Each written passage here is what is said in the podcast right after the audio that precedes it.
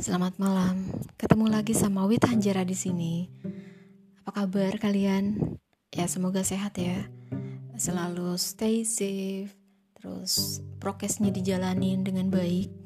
Selalu pakai masker dan pulang dari mana pun kalau bisa udah jelah mandi. Lebih aman daripada cuci tangan dan cuci muka doang ya. Terus semoga kalian yang mungkin hari ini atau saat ini lagi uh, melakukan isoman, isolasi mandiri, semoga cepat pulih. Atau yang ada kerabatnya yang mungkin saat ini lagi dirawat di rumah sakit, semoga kerabat dan orang terkasihnya juga sehat kembali ya. Dan para nakes, semangat terus, jangan loyo, jangan apa ya, jangan insecure. Mudah-mudahan uh, badai covid ini segera berlalu dan kita bisa ber apa ya kita berkegiatan lebih positif lebih berarti dan bisa lebih produktif lagi. Oke okay, malam ini aku mau bacain satu karya cowok. Namanya Lutfi. Uh, Filut sih. By Filut dia nulis di Good Novel jadi kita tuh banyak ya uh, platform platform lain yang yang bisa kita uh, cerita berbayar ini. Ada good novel dream Wattpad dan uh, apa lagi ya? Novel tune ya. Mangatun mangatun kayak uh, webtoon ya jatuhnya. Aku ambil yang dari good novel karya Filut yang berjudul Terpikat Pesona Mahasiswa Gadungan. Wow. Ada ya? ternyata bukan polisi gadungan ataupun tentara gadungan ataupun dokter gadungan, tapi ternyata ada mahasiswa gadungan juga. Oke. Okay. Aku baca se uh, sebaris yang aku suka ya. Biasanya, mahasiswa akan pergi ke kantin bersama dengan teman sefrekuensinya mereka akan makan bersama sambil bercanda. Namun berbeda dengan Olivia, perempuan berkardigan hitam yang sedang duduk sendirian di bangku tengah kantin. Dia tidak pernah mau memiliki teman di kampus. Awal-awal masuk kuliah, dia langsung sadar kalau banyak dari mereka yang miskin, bodoh, bahkan tidak bermoral. Sehingga dia lebih baik sendirian. Daripada harus berurusan dengan rakyat tidak berguna, lebih baik aku hidup sendiri di sini. Begitulah perkataan Olivia pada dirinya sendiri.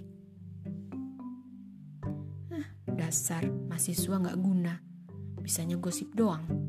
Gak ada kelebihannya. Gerutunya seorang diri. Lagi. Dia sedang menikmati makanan yang dia beli di salah satu warung di sana. Kalau dipikir-pikir, untuk apa dia sombong kalau tetap makan di kantin? Betul tidak? hanya menurunkan reputasinya saja. Di bagian kanan kantin, ada tiga orang mahasiswa yang sedang menikmati mie ayam dengan tawa yang sering kali dengar, yang sering kali ia dengar.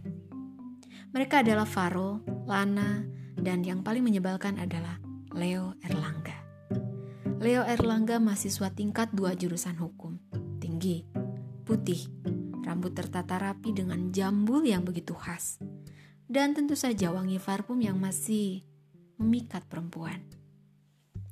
Siapa yang menyangka kalau mahasiswa tampan itu adalah seorang mafioso dari kelompok mafia terkenal di Paris?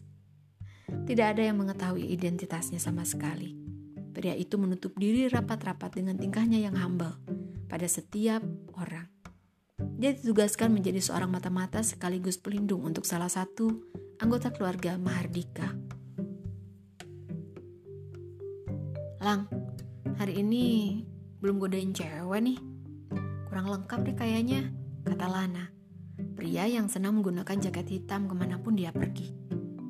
Yang ditanya justru asik mengunyah suapan mie terakhir dari mangkuknya. Dia seolah tak peduli dengan pertanyaan Lana. Erlangga hari ini gak akan godain cewek. Dia lagi insaf, lagi mikirin nasib perkuliahannya yang mulai susah. Bener gak bro? Sepertinya tidak mungkin kalau Erlangga tidak menggoda perempuan hari ini. Pria itu mendengus kasar. Enak aja, seorang Erlangga gak mungkin kalah sama kuliah. Lagian nih, lo belajar godain cewek dari gue kan? Ah, payah, bukannya coba sendiri. Kalau sama lo, mereka pasti langsung kelepek-kelepek bro. Kalau sama kita berdua mah, kayaknya belum tentu. Tampangnya aja belum cukup, kata Lana diiringi dengan tawa. Faro menggumam keras. Maaf ya, gue undur diri dari tampang yang belum cukup. Soalnya gue lebih ganteng dari lo. Erlangga langsung akrab dengan dua orang di dekatnya setelah kedatangannya di kampus ini. Dia memang mencari teman untuk menyembunyikan identitas yang sebenarnya. Kalau sudah memiliki teman, orang-orang pasti mengira kalau Erlangga hanya mahasiswa biasa. Sampai detik ini ada 15 cewek yang baper sama lo. Dan lo tolak. Uh, dia menatap layar ponselnya. Ada catatannya semua nih. Keren banget, Lang. Bagi tambahannya dong ke gue. Erlangga mengusap-usap dagu sambil tersenyum. Dua kali alisnya bergerak naik turun. Lo gak akan bisa setampan gue, karena emang tampan gue ini udah takdir. Ucap Erlangga yang berlagak membetulkan kerah kemejanya. Faro tertawa mendengar jawaban Erlangga. Menurutnya itu perkataan paling menyakitkan yang pernah Faro dengar. daripada lo baperin cewek-cewek baik hati, mending lo baperin cewek sombong di sebelah sana tuh, kata Lana sambil menunjuk Olivia. Erlangga menatap perempuan yang ditunjuk oleh Lana, matanya memicing. Sesaat kemudian dia tersadar kalau perempuan yang ditunjuk adalah Olivia, orang yang seharusnya dia lindungi. Dia siapa? Kayaknya gue baru lihat tuh. Dia emang sombong kenapa? Tanya Erlangga yang pura-pura tidak mengenal Olivia. Dia itu Olivia, pemberi donasi terbesar di kampus ini. Ayahnya itu konglomerat loh. Ah nggak tahu kerjaannya apa. Tapi duitnya bro nggak habis-habis. Ah, heran gue. Atmosfer di antara mereka bertiga mulai berubah. Suasana hangat yang tadi tercipta sudah tergantikan dengan suasana ketegangan yang Erlangga ciptakan. Pria itu tidak tersenyum sama sekali, justru menampilkan raut muka datar yang menyeramkan. Dia sombong karena dia merasa orang-orang di sini itu miskin dan bodoh.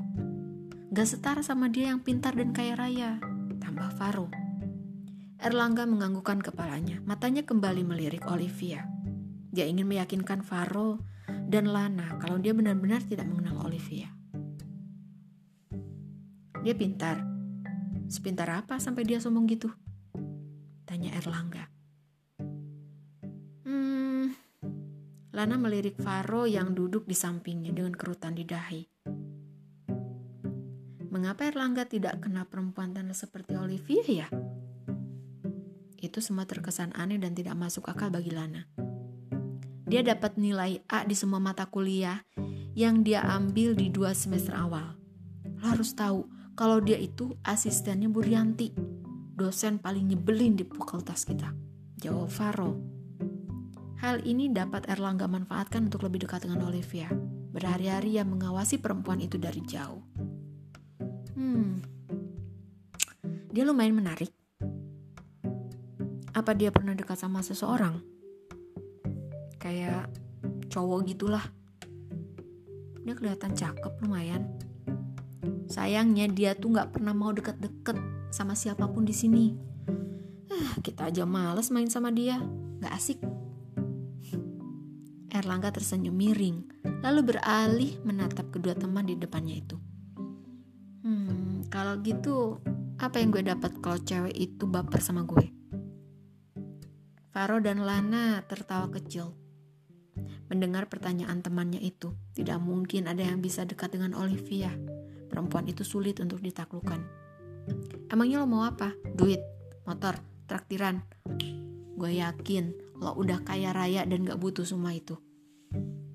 Erlangga kembali menatap perempuan yang bernama Olivia. Matanya tidak terlepas dari sana. Dari rambut Olivia yang tergelai lulus. Oke, gue akan lakuin. Tapi lo harus mau lakuin apa yang gue perintah. Gimana? Tentang Erlangga. Faro dan Lana enggan untuk menyetujui tantangan Erlangga itu karena mereka pikir nanti Erlangga akan terus memberi mereka perintah-perintah yang tidak jelas dan bahkan mungkin memalukan. Namun mereka juga ingin melihat Olivia bertekuk lutut pada so pada orang lain. Mereka ingin tahu bagaimana sikap Olivia jika sudah menemukan pria yang mampu meluluhkan hatinya. Ah, oga ah, Nanti lo minta macem-macem lagi, ribet. Ya tenang aja, gue paling cuma minta absenin kelas, salin tugas kuliah. Ya pokoknya hal-hal yang berbau kuliah deh. Lana lama menunggu jawaban dari La, dari Lana dan Faro. Erlangga semakin tidak sabar. Dia memutuskan untuk melakukannya tanpa balasan apa pun dari Lana dan Faro. Ah, udahlah. Jangan kebanyakan mikir Gue lakuin sekarang dan kalian harus nurut, oke? Okay? Erlangga sudah berjalan ke arah Olivia yang sedang duduk di salah satu meja kantin. Sesampainya di meja Olivia, Erlangga langsung berdiri di belakang perempuan itu. Tangannya bergerak di wajah Olivia, mengusap bibir perempuan itu dengan tisu yang ia ambil tadi. Olivia langsung memundurkan wajahnya. Dia menolak perlakuan yang Erlangga lakukan. Dia marah dengan tindakan Erlangga yang tanpa izin menyentuh bibirnya, walaupun itu dengan tisu. Heh, jangan kurang ajar ya. Erlangga langsung menarik tangannya dan duduk di sebelah Olivia. Olivia terdiam setelah menatap wajah Erlangga dari jarak dekat. Hmm, gue cuma mau ngelap bibir lo. Jangan mikir yang macem-macem dong, kata Erlangga. Pria itu mulai mengelap bibir Olivia dengan tisu. Noda bumbu kacang sudah hilang dari bibirnya yang ranum. Hmm, dengar ya, ada bumbu di sudut bibir lo. Makanya kalau makan itu yang bersih. Kenapa buru-buru sih? Gue gak akan pergi kok, tenang aja. Gue tungguin sampai lo selesai makan, ya. Erlangga menarik tangannya dan tersenyum. Perempuan itu masih menatap Erlangga rupanya. Setiap senti di wajah Erlangga Olivia amati perlahan, matanya yang hitam legam, tulang rahangnya yang tercetak jelas, hidungnya yang mancung dan yang paling penting adalah bibirnya yang sangat menggoda.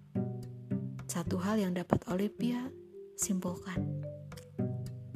Sempurna. Ya, gue tahu kalau gue sempurna. Ucap Erlangga seolah tahu apa yang ada dalam benak Olivia. Olivia langsung mendorong Erlangga agar jarak tercipta di antara mereka. Perempuan itu mengalihkan pandangannya. Kalau kita pacaran, lo bisa mandang gua, wajah gue nih lama-lama kayak gini. Siapa yang sangka kalau beberapa detik menatap wajah Erlangga dapat membuat jantung Olivia berdetak lebih cepat. Perempuan itu tidak menjawab ucapan Erlangga. Dia berusaha membuat dirinya lebih nyaman dengan menarik nafas. Lo gak mau lihat wajah gue yang sempurna lagi? Hmm? Perempuan itu tidak menyangka kalau ada orang sepercaya diri macam pria di sampingnya ini.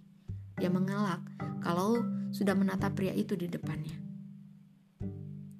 Dia mengelak bahwa dia terpesona. Padahal lo itu cantik. Ucapan Erlangga terhenti karena Olivia memotongnya lebih dulu. Emang benar? Pria itu senang karena Olivia sudah mulai menjawab ucapannya.